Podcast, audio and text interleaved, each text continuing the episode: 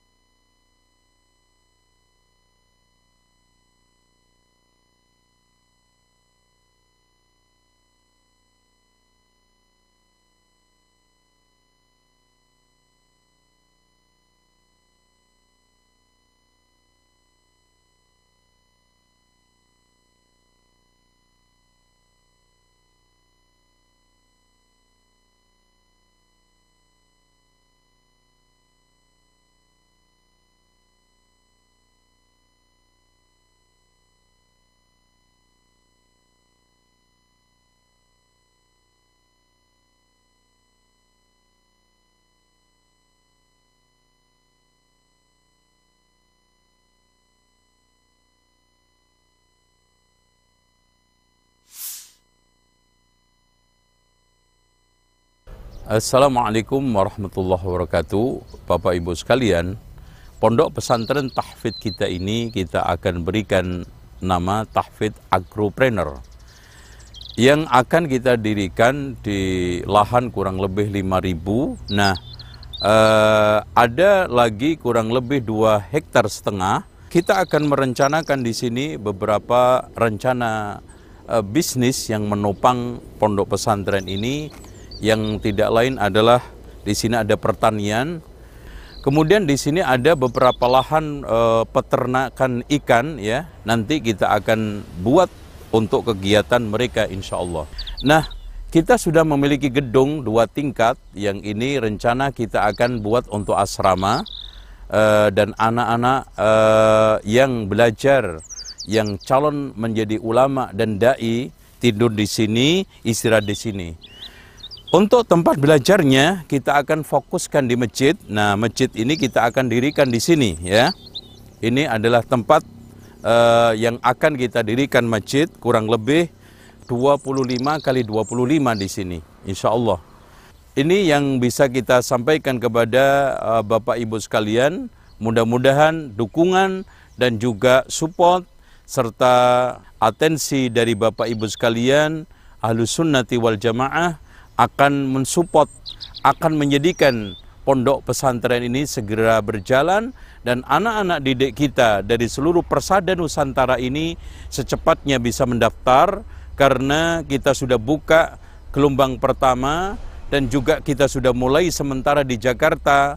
Pendaftarnya sangat beludak dan baru kita buka seminggu saja maka kursinya sudah full. Ini menunjukkan bahwa animo dan juga antusias kaum muslimin, generasi kita yang ingin mempelajari dan menghafalkan Al-Quran, menguasai kitab-kitab yang bahasa Arab itu sangat tinggi sekali. Demikian, mudah-mudahan Bapak Ibu sekalian bisa mendukung, mensupport kami untuk mendirikan, melangsungkan, membangun pondok pesantren tahfidz dan bahasa Arab ini gratis, insya Allah. Demikian, mudah-mudahan manfaat. Assalamualaikum warahmatullahi wabarakatuh.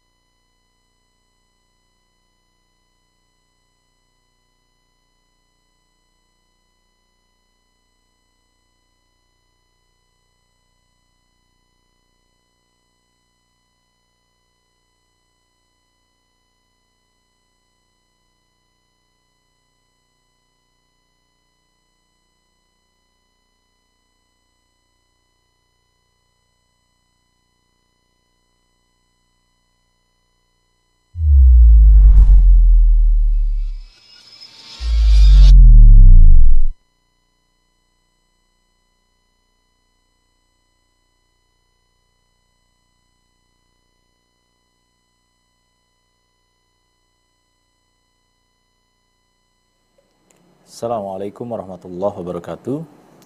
Bismillah, salatu wassalamu ala rasulillah wa ala alihi wa man walah. La hawla wa la quwwata illa billah. Para pemirsa HBS TV, bagaimana kabarnya? Mudah-mudahan senantiasa dalam lindungan Allah Subhanahu wa taala dan senantiasa Allah menjaga kita, menjaga kesehatan kita pada pagi hari ini.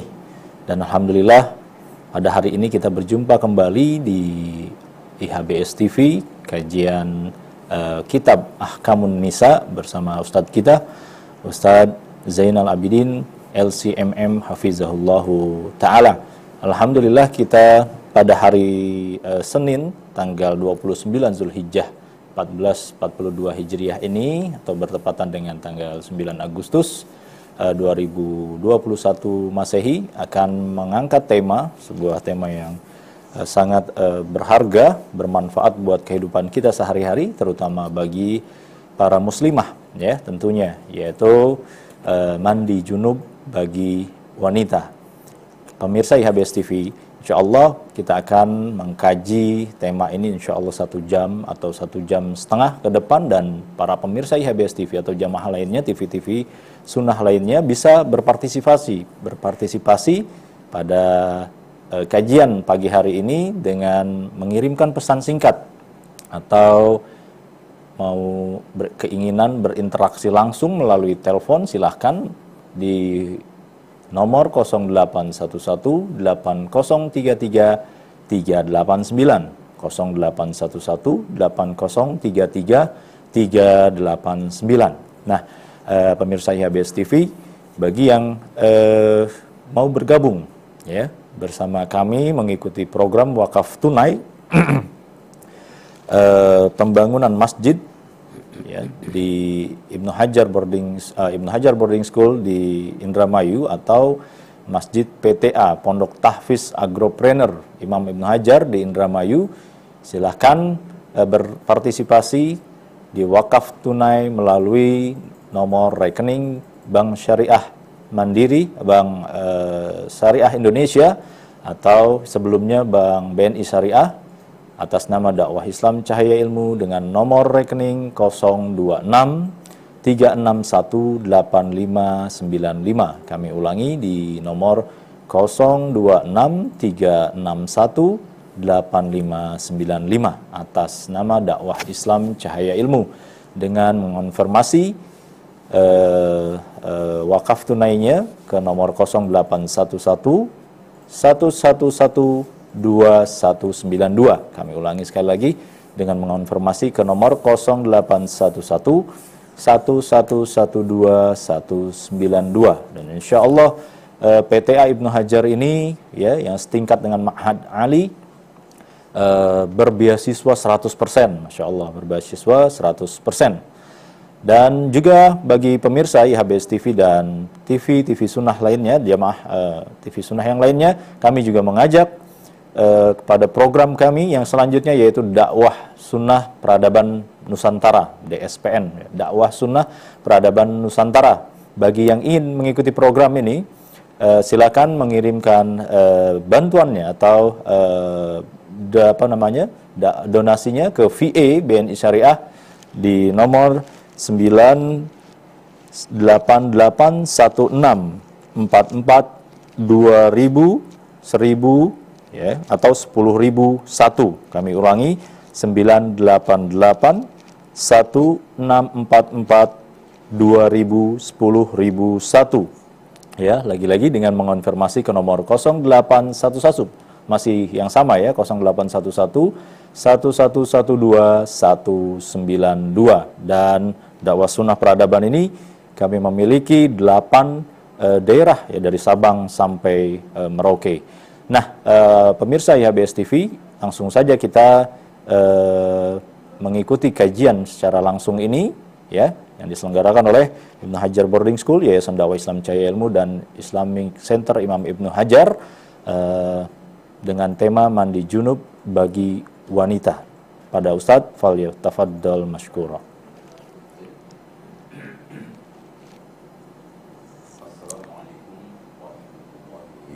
Wabarakatuh. Waalaikumsalam warahmatullahi wabarakatuh. إن الحمد لله نحمده ونستعينه ونستغفره ونستهديه ونعوذ بالله من شرور أنفسنا وسيئات أعمالنا من يهده الله فلا مضل له ومن يضلل فلا هادي له أشهد أن لا إله إلا الله وحده لا شريك له وأن محمدا عبده ورسوله. قال الله عز وجل يا أيها الناس اتقوا ربكم الذي خلقكم من نفس واحدة وخلق منها زوجها وبث منهما رجالا كثيرا ونساء واتقوا الله الذي تساءلون به والأرحام إن الله كان عليكم رقيبا. وقال تبارك وتعالى يا أيها الذين آمنوا اتقوا الله حق تقاته ولا تموتن إلا وأنتم مسلمون. وقال تبارك وتعالى يا أيها الذين آمنوا اتقوا الله وقولوا قولا سديدا. يصلح لكم أعمالكم ويغفر لكم ذنوبكم.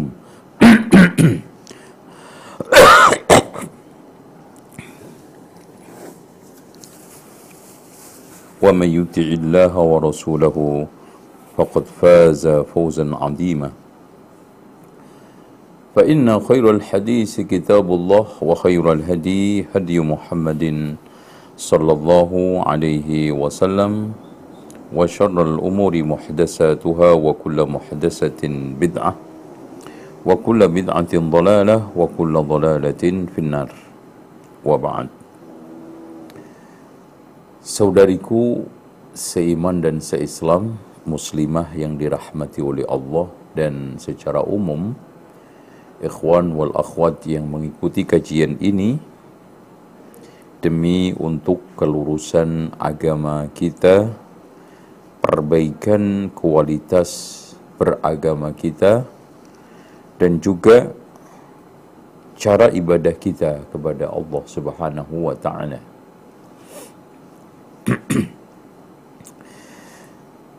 Karena mencari ilmu itu seperti yang dikatakan oleh Rasulullah sallallahu alaihi wasallam talabul ilmi faridatun ala kulli muslim. Mencari ilmu itu wajib bagi setiap muslim dan kewajiban itu seperti yang telah ditegaskan oleh Prof. Al-Attas sifatnya ada yang fardu ain, ada yang sifatnya fardu kifayah. Taib. Kali ini kita membahas bab yang ke-12 dari kitab Ahkamun Nisa karya Imam Ibnul Jauzi rahimahullahu ta'ala. Bab tersebut menyoal zikru wujubil ghusli 'alal mar'ah. Menuturkan tentang wajibnya mandi junub bagi wanita. Makanya kita kasih tema hukum mandi junub bagi wanita. Ya. Terutama di dalam soal-soal kaitannya dengan empat hal.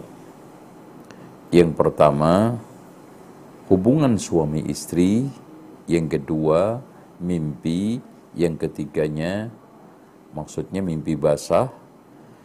Yang ketiganya adalah haid, yang keempatnya adalah nifas. Ya, meskipun di sana ada mandi wiladah, yaitu karena melahirkan. Tetapi hukumnya itu adalah sunnah, yang wajib itu ada empat tadi. Nah, di dalam bab yang ke-12 ini Imam Ibnul Jauzi menyoroti mandi junub bagi wanita akibat apa namanya uh, mimpi basah.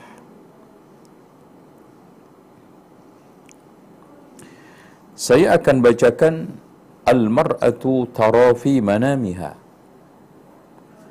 Perempuan bila mimpi di dalam tidurnya itu mayarar rajul apa yang dilihat oleh seorang laki maksudnya dia mengalami mimpi seperti yang dialami laki-laki. Ya bersetubuh terus akhirnya keluar apa namanya air mani A'alaiha ghuslun apakah dia wajib mandi? Ya.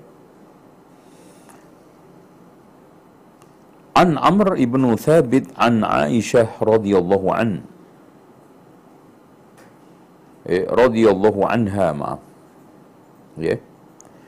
Jadi an Amr ibn Thabit atau an Umar ibn Thabit an Aisyah radhiyallahu anha qalat. Beliau berkata Ja'at Ummu Sulaim. Ya.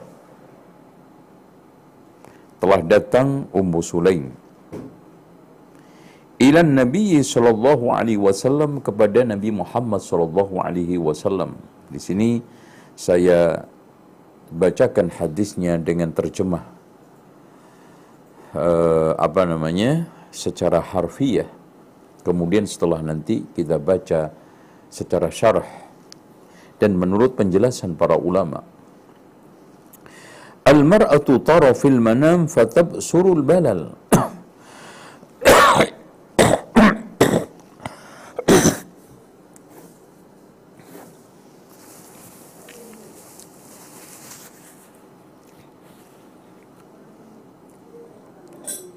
Bismillah.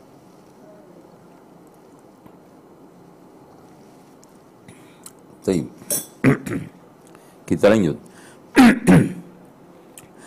Al-mar'atu tara fil manam fatas balal.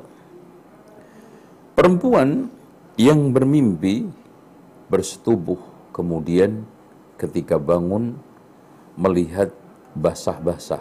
Makanya dari sinilah akhirnya diistilahkan di kita itu mimpi basah. Ataghtasilu apakah dia harus mandi?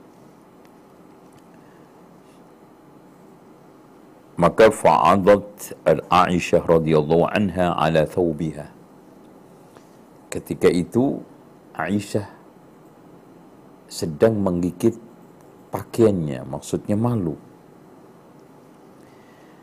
Dengan mengatakan waqalat fadahtil harair aduh Ummu Sulaim bikin malu para gadis-gadis aja ini pertanyaannya Qalat inni wallahi la astahyi minal haqqi. Dia mengatakan sungguh demi Allah saya tidak akan malu untuk menanyakan kebenaran. Dan harusnya itu. Wallahi la as'alanna demi Allah saya akan tanyakan ini kepada Rasulullah. Qalat Aisyah fantahrani Rasulullah SAW. Akhirnya Rasulullah mendiamkan saya fa'askatani. Jadi eh, apa namanya ibaratnya menegur dan mendiamkan saya. Qala ma taqulin apa yang kamu tanyakan? Qalat aqulu kadza wa kadza saya katakan begini dan begitu. Faqala Rasulullah sallallahu alaihi wasallam Rasulullah SAW mengatakan idza an zaltil ma'a faltaghtasil atau idza anzalat al ma'a faltaghtasil bila perempuan tersebut yang mimpi kemudian melihat air setelah bangun tidur maka hendaknya dia mandi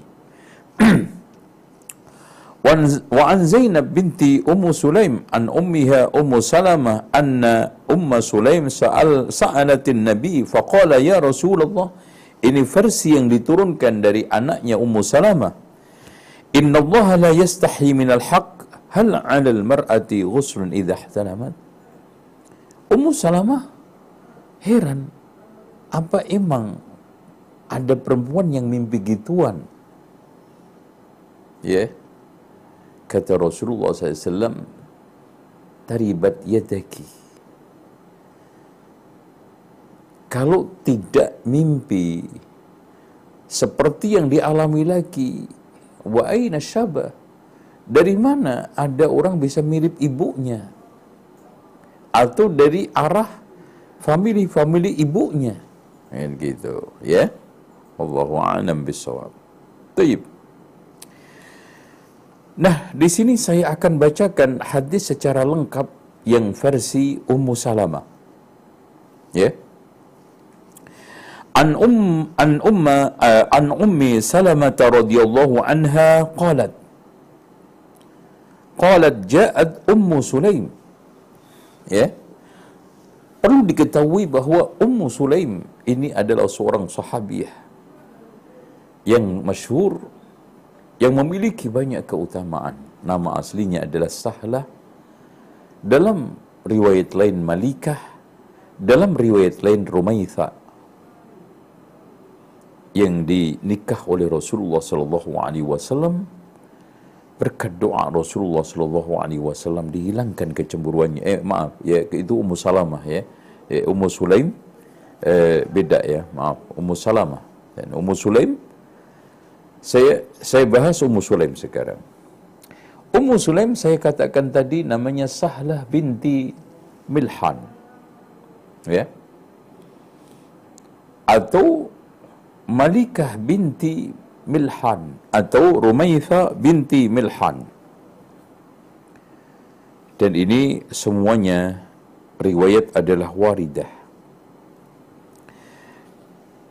Dia berawal di masa jahiliyah dinikah oleh Malik ibnu Nadhr, bapaknya Anas bin Malik. Setelah masuk Islam, maka suaminya marah. Malik bin Nadhr akhirnya lari ke Syam dan akhirnya meninggal di sana. Setelah itu dilamar oleh Abu Talha. Dia mengatakan, tidak ada sesuatu yang harus saya tolak darimu Pokoknya Masya Allah secara kriteria lengkap secara dunia. Hartanya, tampilannya, backgroundnya, nasabnya, latar belakangnya, ya, reputasinya, ya kan gitu, kegagahannya. Kecuali kamu sayang kafir. Kalau kamu sanggup masuk Islam, cukup itu sebagai mahar saya. Allahu Akbar. Allahu Akbar. Ya. Akhirnya, na'am. Saya masuk Islam. Akhirnya menjadi maharnya Ummu Sulaim. Ibundanya Anas radhiyallahu an. Baik.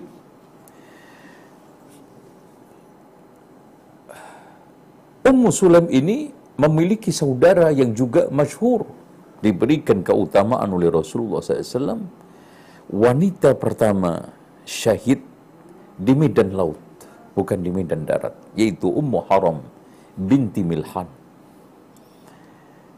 Dia diperistri oleh Ubadah ibnu Samit yang ini pernah sholat bersama Rasulullah ya. Eh ya Anas Rasulullah Anas bibinya nah ini yang dimaksudnya dimaksudkan adalah Ummu Haram karena masih ada hubungan persesusuan.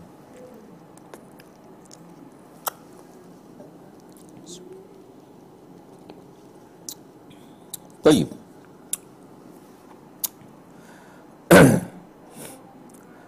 Pada saat apa namanya uh, Rasulullah Shallallahu Alaihi Wasallam berada di rumahnya. Kemudian beliau bercerita di dalam mimpinya akan ada perang laut ya. Di sana adalah tergolong orang-orang yang syahid yang diutamakan oleh Rasul oleh Allah. Akhirnya Ummu Haram mengatakan ya Rasulullah ud'u liya an akuna minhum Subhanallah. Ya Rasulullah, doakan agar aku termasuk dari mereka. Rasulullah SAW ketika itu ya uh, uh, semacam tertidur ketika mendapatkan wahyu ya. Kemudian bangun, tersenyum. Akan terjadi perang, jihad. Dan orang-orang yang mati syahid di sana termasuk orang-orang yang utama.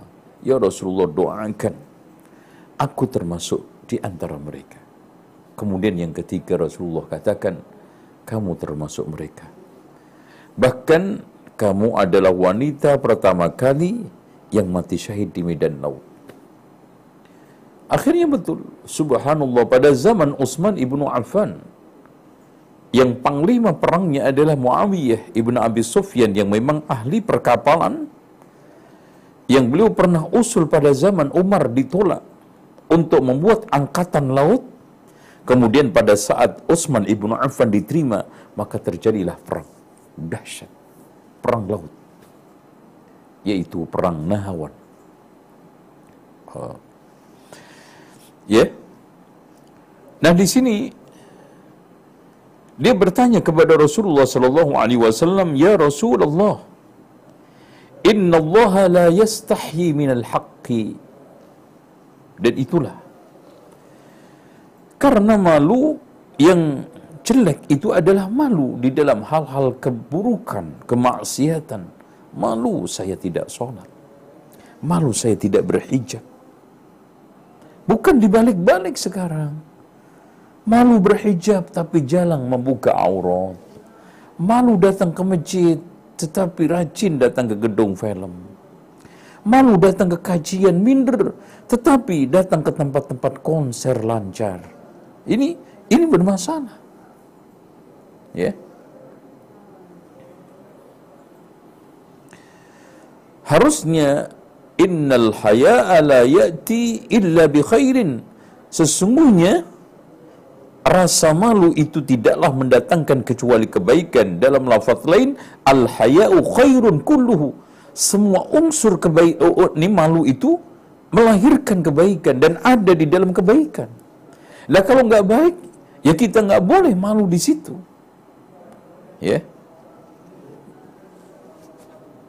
ya contoh malu menanyakan soal-soal agama yang mungkin dianggap paling sensitif di wilayah-wilayah kewanitaan.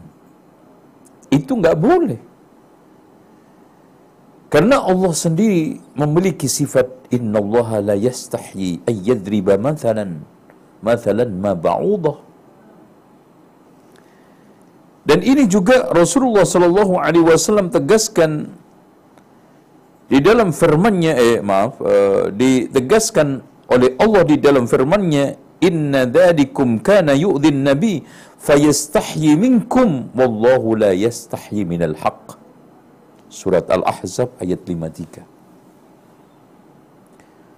dan itu menjadi sifat Allah makanya Rasulullah katakan innallaha hayyun yastirun yuhibbu al-haya'a was-sitra Allah itu maha malu dan maha menutup segala sesuatu yang sifatnya tidak pantas.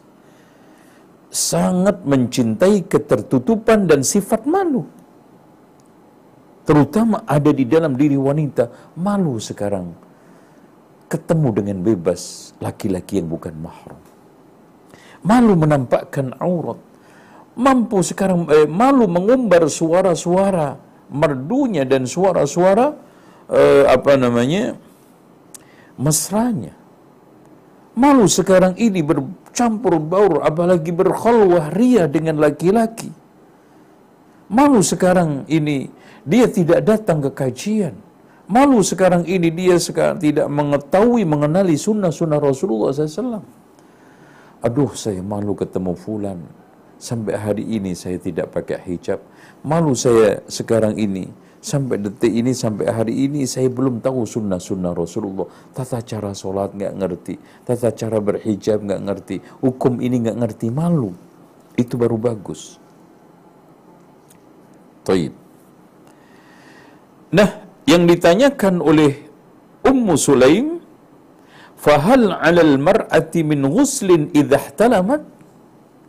Apakah bagi seorang perempuan itu wajib mandi ketika mimpi? Faqala Rasulullah SAW, Naam idha ra'atil ma' Iya kalau dia melihat air. Faqalat Ummu Salamah radhiyallahu anha ya Rasulullah sallallahu alaihi wasallam wa tahtalimul mar'atu. Jadi Ummu Salamah heran. Apa perempuan juga bisa mimpi seperti yang dialami laki? Faqala Rasulullah menjawab dengan diplomatik ilmiah taribat yadaki. Fabima yushbihuha waladuha. Kalau perempuan tidak mengalami mimpi seperti yang dialami oleh laki-laki, dari mana anak itu bisa menyerupai ibunya atau famili-famili dari arah ibunya? Jadi keserupaan itu karena unsur mani. Bahkan di dalam hadis Rasulullah Shallallahu Alaihi Wasallam disifati begini. Naam famin aina yakunu syabah. Iya, wanita itu bisa mimpi basah. Kalau enggak, dari mana adanya keserupaan? Maksudnya anak menyerupai ibunya atau famili-famili, entah itu dari pamannya, bibiknya, dari arah ibunya. Karena Rasulullah katakan, Innama ar-rajuli ghalidun abyadu. Sesungguhnya ciri-ciri uh, mani wanita itu, uh, apa namanya, uh, legit, kental, memutih. Wa ma'ul mar'ati Kemudian air ini air mani wanita itu rokikun ya, e, cair asfarun agak condong kepada ke kuning kuningan. Famin ayyihi ma'ala. Mana saja yang sekarang ini air mani wanita itu keluar duluan, au atau mendahuluinya yakunu minhu syabah. Artinya kalau mani perempuan itu lebih keluar dahuluan daripada laki, maka kecenderungan anak ini akan lebih mirip kepada ibunya atau famili-famili ibunya. Kalau mani yang keluar ini mendahului mani laki-laki, maka akan lebih mirip dari uh, ke bapaknya atau kepada famili-famili bapaknya.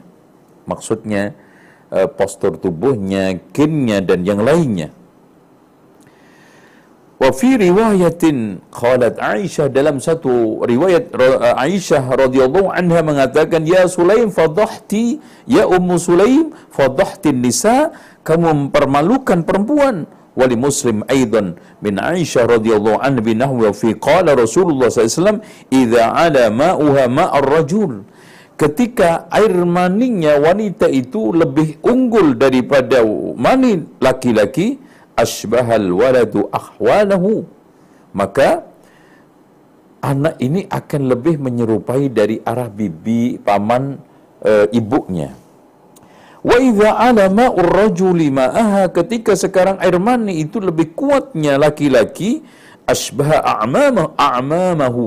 Dia akan lebih mirip kepada bapaknya dan juga saudara-saudara bibi atau paman dari bapaknya itu masya Allah ya Rasulullah Shallallahu Alaihi Wasallam pada zaman seperti itu sudah menguraikan begitu canggih. begitu juga ayat-ayat Al-Quran.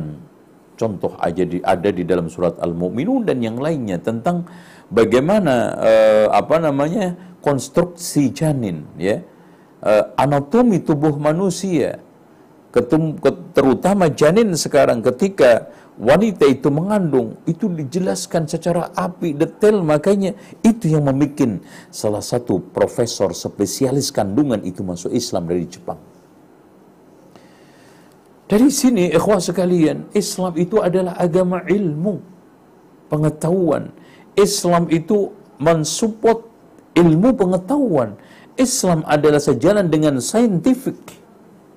Jadi tidak ada satu ilmu pengetahuan pun yang bertentangan dengan Islam. Bahkan ilmu pengetahuan yang diusung oleh Islam itu berbeda dengan ilmu pengetahuan yang diusung oleh Barat, yang diyakini oleh Barat, yang diwarnai dengan sekuler liberal sehingga bernuansa bebas nilai. Dari sinilah akhirnya ilmu pengetahuan yang dilahirkan dari perut barat liberal sekuler itu selalu bernuansa anti agama. Selalu sekarang menjauh dari spiritualitas, bahkan moralitas. Karena ilmu pengetahuan itu dinobatkan oleh barat sekuler menjadi suatu ilmu pengetahuan yang bebas nilai. Bahkan di dalam Islam tidak ada ilmu pengetahuan yang bebas nilai, yang ada adalah ilmu pengetahuan yang bebas untuk dinilai. Ini uh, suatu kebaikan, keindahan, mahasin dan termasuk ijazul ilmi ya. Satu mukjizat ilmiah yang dimiliki oleh sunnatin nabawiyah dan masih banyak. Seperti uh, mukjizat sunnah. Kaitannya kenapa?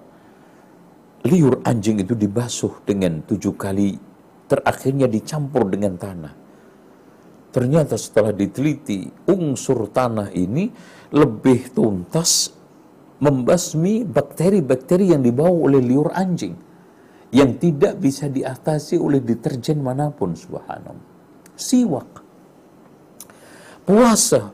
Bagaimana mukjizat ilmiah tentang masalah puasa? Saya pelalat ketika kejebur ke dalam minuman itu dianjurkan Rasulullah untuk mencelupnya kemudian mengangkatnya. Lalu membuang. Ternyata salah satu sayapnya itu mengandung racun dan satunya adalah penawar. Allahu Akbar. Inilah yang kadang-kadang tidak disadari oleh para ilmuwan Islam. Sambil mencibirkan agamanya dia mengeluh-elukan ilmu pengetahuan yang berasal dari perut sekuler barat yang diilhami oleh liberalis yang sekarang mengarah kepada anti agama bukan hanya membebaskan ilmu pengetahuan dari pengaruh agama bahkan di antara mereka sudah mengaruh pada ateisme. Di antara mereka dengan uh, tanpa agama mengatakan Tuhan itu telah mati. Agama ini adalah candu masyarakat. Ini adalah pemikiran-pemikiran yang dikulirkan dari perut sekuler barat, liberal barat, kalau tidak ateisme. Dan kebanyakan sekarang ini, negara barat itu lebih mengarah kepada ateisme. Mereka-mereka kalau seandainya memiliki agama AB, itu hanya sekedar identitas formal. Tapi sebetulnya mereka tidak pernah ke tempat peribadatan. Mereka tidak meyakini adanya ketuhanan. Mereka tidak terpengaruh spiritualitas agama mereka dalam bisnis mereka, dalam uh, usaha mereka, di dalam mengatur pemerintahan dan politik mereka, mereka jauhkan sampai di ruangan kelas saja. Mereka itu sudah anti agama. Bagaimana di luar kelas? Bagaimana di tengah sosial? Bagaimana sekarang di pemerintahan? Itulah yang sekarang ini harus kita bangun di tengah pendidikan Islam.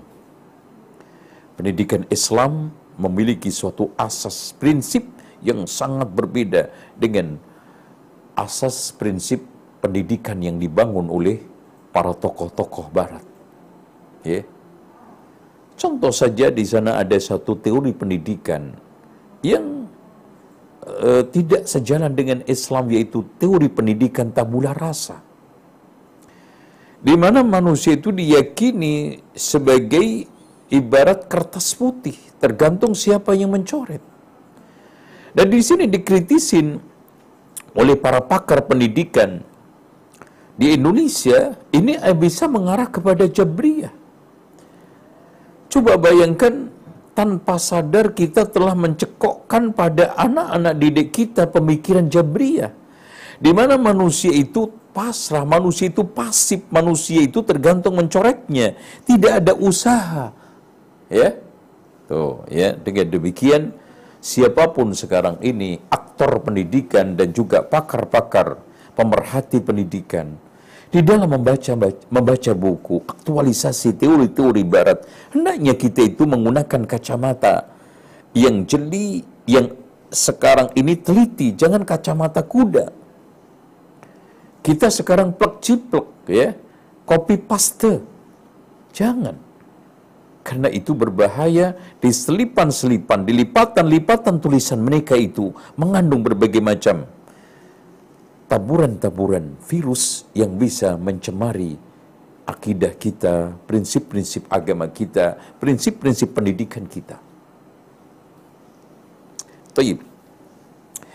Ikhwani yang dirahmati oleh Allah, sekarang kita bisa ambil faedah dari hadis tersebut yang juga ada kaitannya dengan uh, mandi junub tadi. Yang pertama, di sini hadis yang kita bacakan dari Ummu Salamah dan juga dari Aisyah radhiyallahu anhuma. Keduanya adalah ibunda ummahatul mukminin, istri Rasulullah sallallahu alaihi wasallam yang mulia.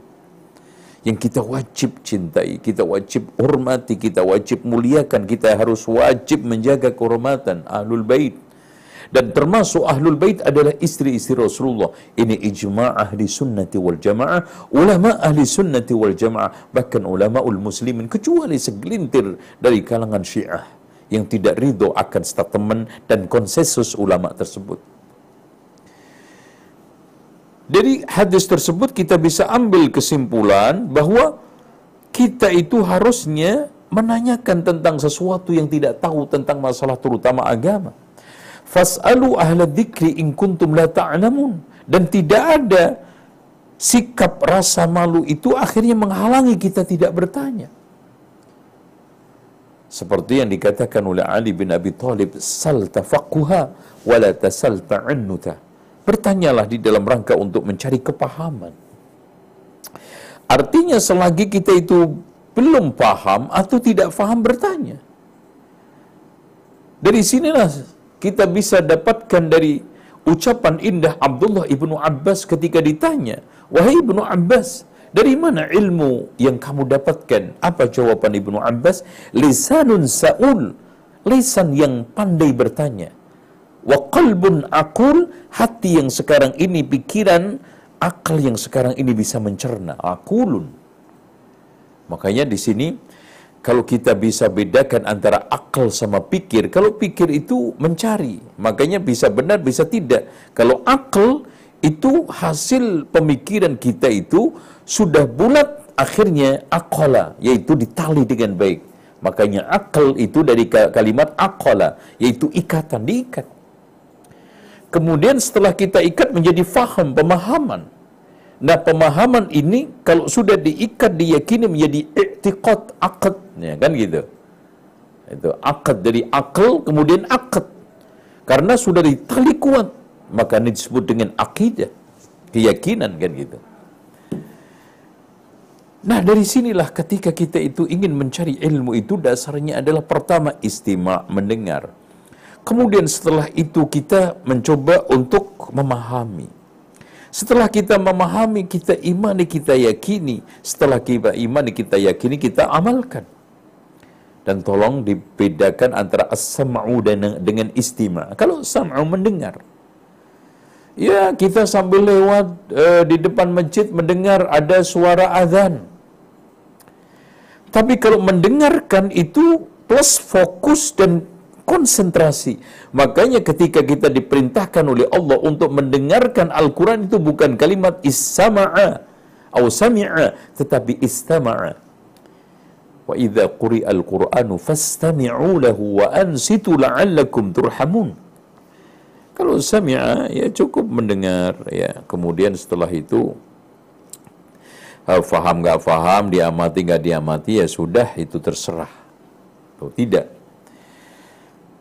Itulah modal belajar kita. Makanya ikhwan sekalian, ketika kita itu belajar adalah uh, mencari dulu baru yakin, jangan yakin dulu baru mencari. Orang itu kalau sudah yakin dulu baru mencari, nanti bawaannya adalah fanatis, nanti bawaannya adalah maju mundur, nanti bawaannya adalah ogah-ogahan. Ya. Allahu a'lam bishawab, ya.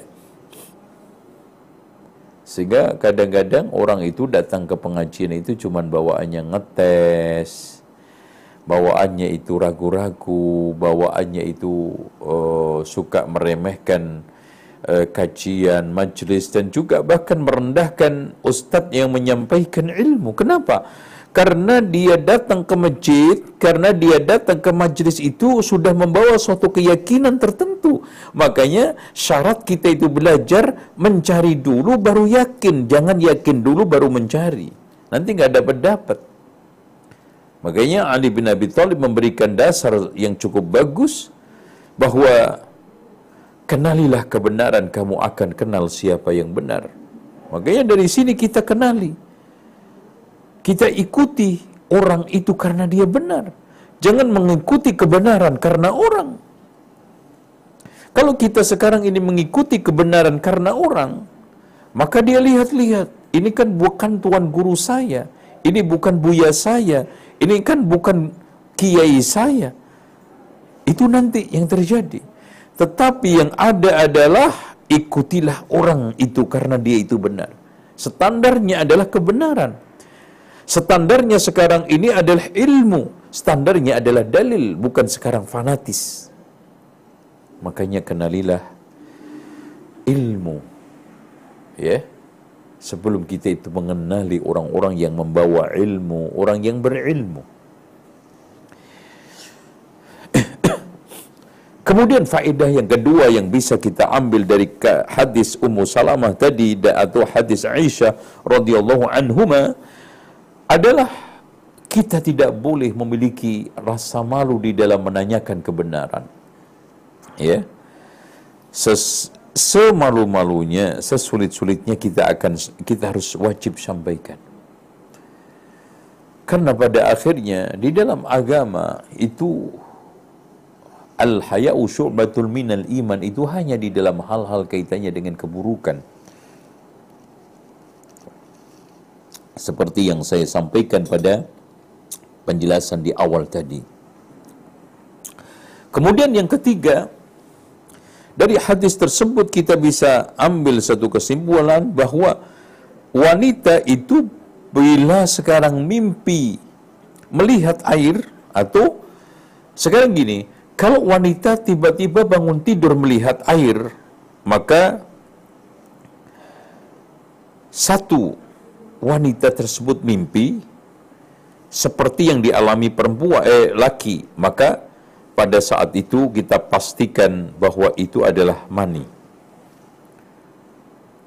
Ini nomor satu. Jadi ketika wanita tersebut pagi-pagi pada waktu bangun melihat basah-basah, ya, tampaknya uh, ada kemiripan dengan mani, maka kita harus tanyakan, apakah dia ketika itu malam itu dia mimpi basah seperti yang dialami lagi? Kalau iya, maka itu adalah mani. Terus kemudian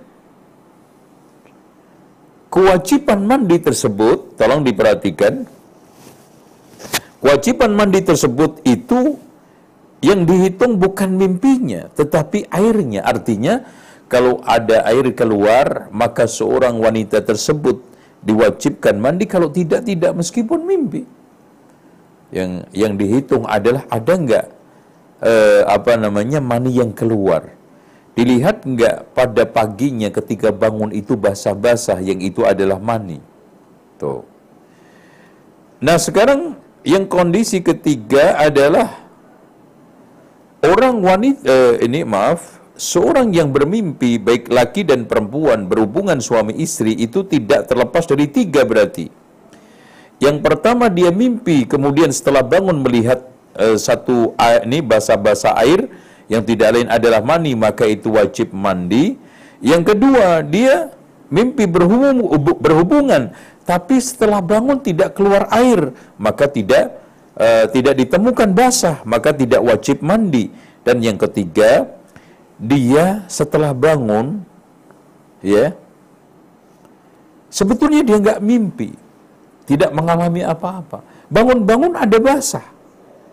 Kalau basah itu lebih dekat dengan mani ya legit kental ya terus kemudian warnanya putih maka dia wajib mandi.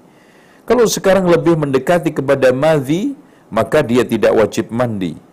Tapi kalau dia itu ragu maka yang sahih dia tidak wajib mandi.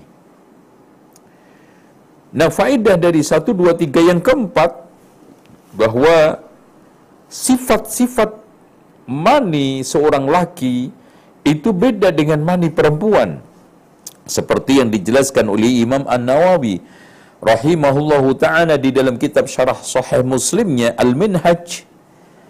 Ya, beliau mengatakan bahwa ciri wa mani laki-laki itu ada tiga. Yang pertama al-khuruju bi syahwatin ma'al futuri aqibahu. Keluar dalam kondisi dibarengi dengan syahwat dan kemudian setelah itu melemas. Ya, biasanya laki-laki setelah keluar air maninya itu lemas ya. Wathaniyah dan kemudian yang kedua ar-rahiyatul lati tushbihu tala' kama sabaq. Jadi baunya itu seperti bau degan ya. Ya bau apa namanya? Uh, kelapa itu air kelapa. Wa thalitha al-khuruju bi zurik atau bi daf uh, dafqin dafa'at ya muncrat memancar itu yang ketiga. Nah, adapun perempuan biasanya keluarnya itu cuman memiliki dua ciri, ya. Yang pertama ciri yang pertama adalah eh, apa namanya cair yang agak kuning itu, kemudian bau seperti bau ini mani laki-laki dan yang kedua keluar disertai dengan kelezatan dan juga apa namanya futur yaitu lemas juga. Jadi eh, di situ ciri-ciri daripada mani. Kemudian yang kelima bahwa subhanallah yang tadi saya jelaskan kemiripan seorang anak itu bisa dari arah ibu, bisa dari arah bapak dipengaruhi dengan mani. Dan Rasulullah Shallallahu Alaihi Wasallam menjelaskan berdasarkan wahyu ternyata tidak meleset dari eh, eh, apa ilmu pengetahuan zaman sekarang, ilmu kandungan zaman sekarang. Kata Rasulullah SAW, kalau sekarang ini mani perempuan itu keluar dan menguat duluan, maka akan kecenderungan besar mirip dengan ibunya dan saudara-saudara famili dari ibunya. Kalau sekarang ini mani laki-laki itu keluar dan menguat, ya, maka akan mirip kepada bapaknya dan famili-famili dari arah bapaknya, entah bibiknya, entah pamannya.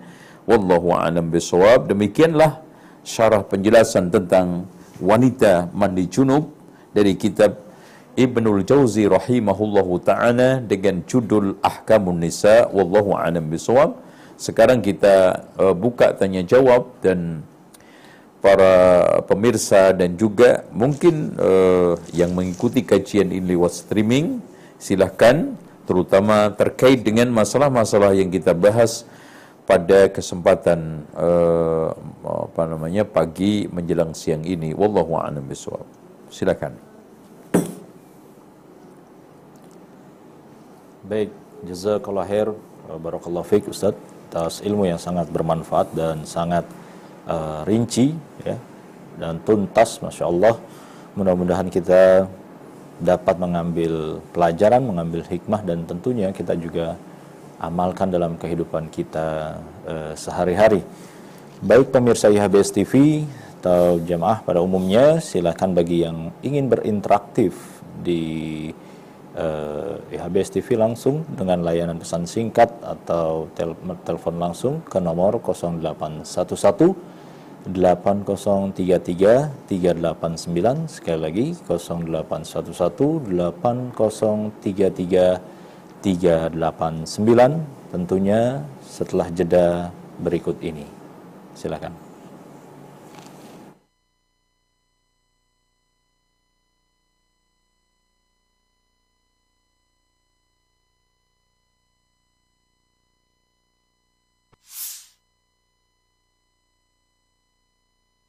Assalamualaikum warahmatullahi wabarakatuh. Bapak Ibu sekalian Pondok pesantren tahfid kita ini kita akan berikan nama tahfid agropreneur yang akan kita dirikan di lahan kurang lebih 5000 nah eh, ada lagi kurang lebih 2 hektar setengah. Kita akan merencanakan di sini beberapa rencana eh, bisnis yang menopang pondok pesantren ini yang tidak lain adalah di sini ada pertanian. Kemudian di sini ada beberapa lahan e, peternakan ikan ya. Nanti kita akan buat untuk kegiatan mereka insya Allah. Nah, kita sudah memiliki gedung dua tingkat yang ini rencana kita akan buat untuk asrama e, dan anak-anak e, yang belajar yang calon menjadi ulama dan dai tidur di sini, istirahat di sini. Untuk tempat belajarnya kita akan fokuskan di masjid. Nah, masjid ini kita akan dirikan di sini ya. Ini adalah tempat uh, yang akan kita dirikan masjid kurang lebih 25 kali 25 di sini, insya Allah.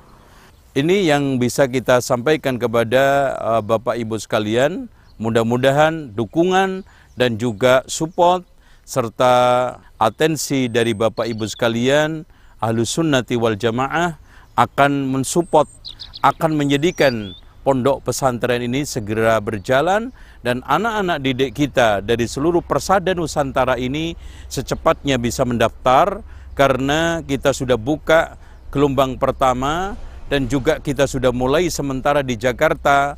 Pendaftarnya sangat beludak dan baru kita buka seminggu saja maka kursinya sudah full. Ini menunjukkan bahwa animo dan juga antusias kaum muslimin generasi kita yang ingin mempelajari dan menghafalkan Al-Quran menguasai kitab-kitab yang bahasa Arab itu sangat tinggi sekali demikian mudah-mudahan Bapak Ibu sekalian bisa mendukung mensupport kami untuk mendirikan melangsungkan membangun pondok pesantren tahfidz dan bahasa Arab ini gratis insya Allah. Demikian mudah-mudahan manfaat. Assalamualaikum warahmatullahi wabarakatuh.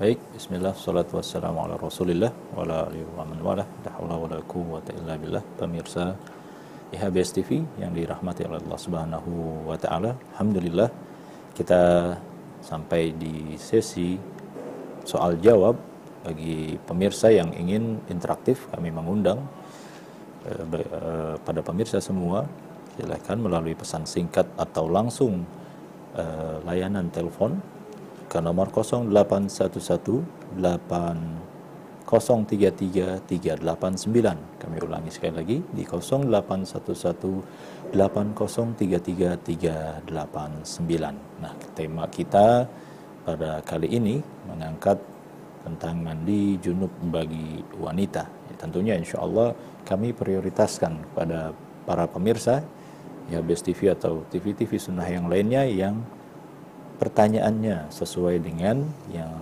dikaji nanti, yang dikaji tadi ya. Dan adapun nanti setelah eh, pertanyaan-pertanyaan yang berkesesuaian, kami akan menyusulkan dengan pertanyaan uh, yang lainnya. Nah, bagi pemirsa ya BSTV dan jamaah uh, pada umumnya, ya silakan ke nomor 0811 811 8033 389. Baik, Assalamualaikum. Halo, iya Bapak. Dengan Bapak siapa dan di mana Bapak? Silakan. dari Bapak dari Bapak Arif Iya. Masya Allah di Kaltim Pak ya. Silakan Bapak, langsung pertanyaannya Bapak. Saya mau tanya Pak, bagaimana orang hubungan suami istri terus sudah terjadi hubungan, tapi anu apa eh, tidak tidak keluar lah, Mas. tidak keluar air maninya, apa tuh apa itu oh, nadi wajib juga. Baik, baik. Cukup Bapak? Baik, jazakallah khair Bapak. Tunggu jawabannya. Pada Ustadz, silakan Ustadz. Sip. Eh, perlu diketahui bahwa eh, soal kaitannya dengan hubungan suami istri yang ditanya adabnya, ya. Eh, tolong diperhatikan bahwa di sana ada perbedaan cukup mencolok antara mimpi dengan sekarang ini hubungan suami istri. Kalau hubungan suami istri itu yang penting ada ilaj, yaitu seorang laki memasukkan kemaluannya eh, ke vagina istrinya. Itu keluar mani tidak keluar mani wajib mandi. Itu tolong dicamkan. Dengan demikian, kalau di dalam masalah senggama atau jima atau hubungan suami istri itu tidak disyaratkan keluar mani untuk mandinya. Kalau sudah terjadi jima, maka keluar mani nggak keluar mani wajib mandi. Tetapi kalau sekarang ini mimpi, maka yang dilihat adalah keluar maninya setelah bangun. Meskipun sekarang mimpi berhubungan seakan-akan itu nyata, ternyata setelah bangun tidak ada air sama ini, tidak ada basah, maka tidak wajib mandi. Itu ya perbedaannya. Wallahu a'lam bishawab.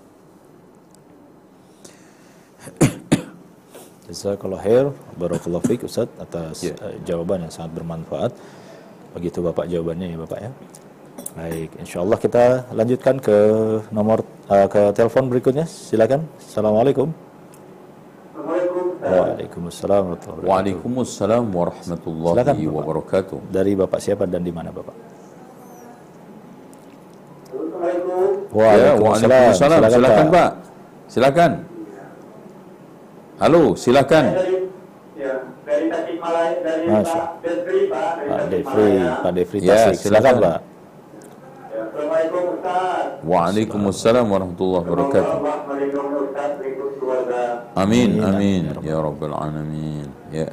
Yang saya tanyakan Ustaz, saya sebelum tahu tentang ilmunya tentang mandi junub, eh, 10 tahun yang lalu saya pernah bermimpi, mimpi basah. Tapi di waktu subuhnya saya hanya mencuci aja, langsung sholat, tidak mandi junub. Baik. Bagaimana hukumnya itu Ustaz? Saat itu saya tidak tahu ilmunya. Kalau Alhamdulillah sekarang sekarang saya sudah tahu ilmunya.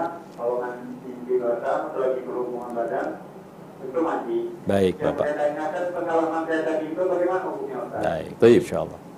Jazakallah khair Bapak. Waalaikumsalam Waalaikumsalam warahmatullahi wabarakatuh. Silakan Ustaz. Taib. Perlu diketahui seperti yang dikatakan oleh Syekhul Islam Ibn Taimiyah, Pak ya. Tolong dicamkan. Kesalahan apa pun yang dilakukan oleh manusia dengan dasar tiga. Satu karena lupa. Dua karena tidak sengaja. Tiga karena tidak tahu. Maka insya Allah dimaafkan oleh Allah. Hal itu berdasarkan firman Allah, Rabbana la tuakhidna in nasina au akhtana. Orang yang tidak tahu itu lebih parah daripada orang yang lupa. Karena apa? Kalau orang yang lupa itu awalnya tahu kemudian tidak tahu karena lupa, ngeblank, itu aja dimaafkan. Apalagi orang yang tidak tahu sama sekali. Oleh karena itu, siapa pun yang sekarang ini melakukan pelanggaran atas dasar satu tidak sengaja, dua karena lupa, ketiga karena jahil, yaitu jahil bodoh, tidak tahu, maka Allah Subhanahu wa taala memaafkan berdasarkan firman Allah Rabbana la tu'akhidna inna sina au akhtana dan seterusnya. Wallahu a'lam. Baik, jazakallah khair pada Ustadz Barakallahu atas ilmunya dan jawabannya Bapak cukup jelas ya Bapak ya. Mudah-mudahan uh, bermanfaat. Uh, selanjutnya kita ke pesan singkat ini Ustadz. Ya. Ya. Assalamualaikum warahmatullahi wabarakatuh.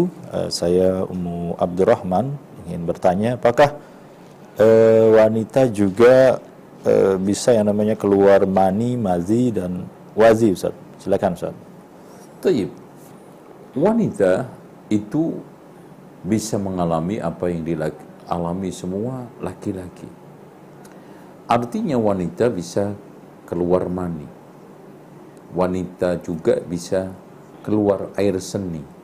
Wanita juga bisa keluar madhi. Wanita juga bisa keluar wadi.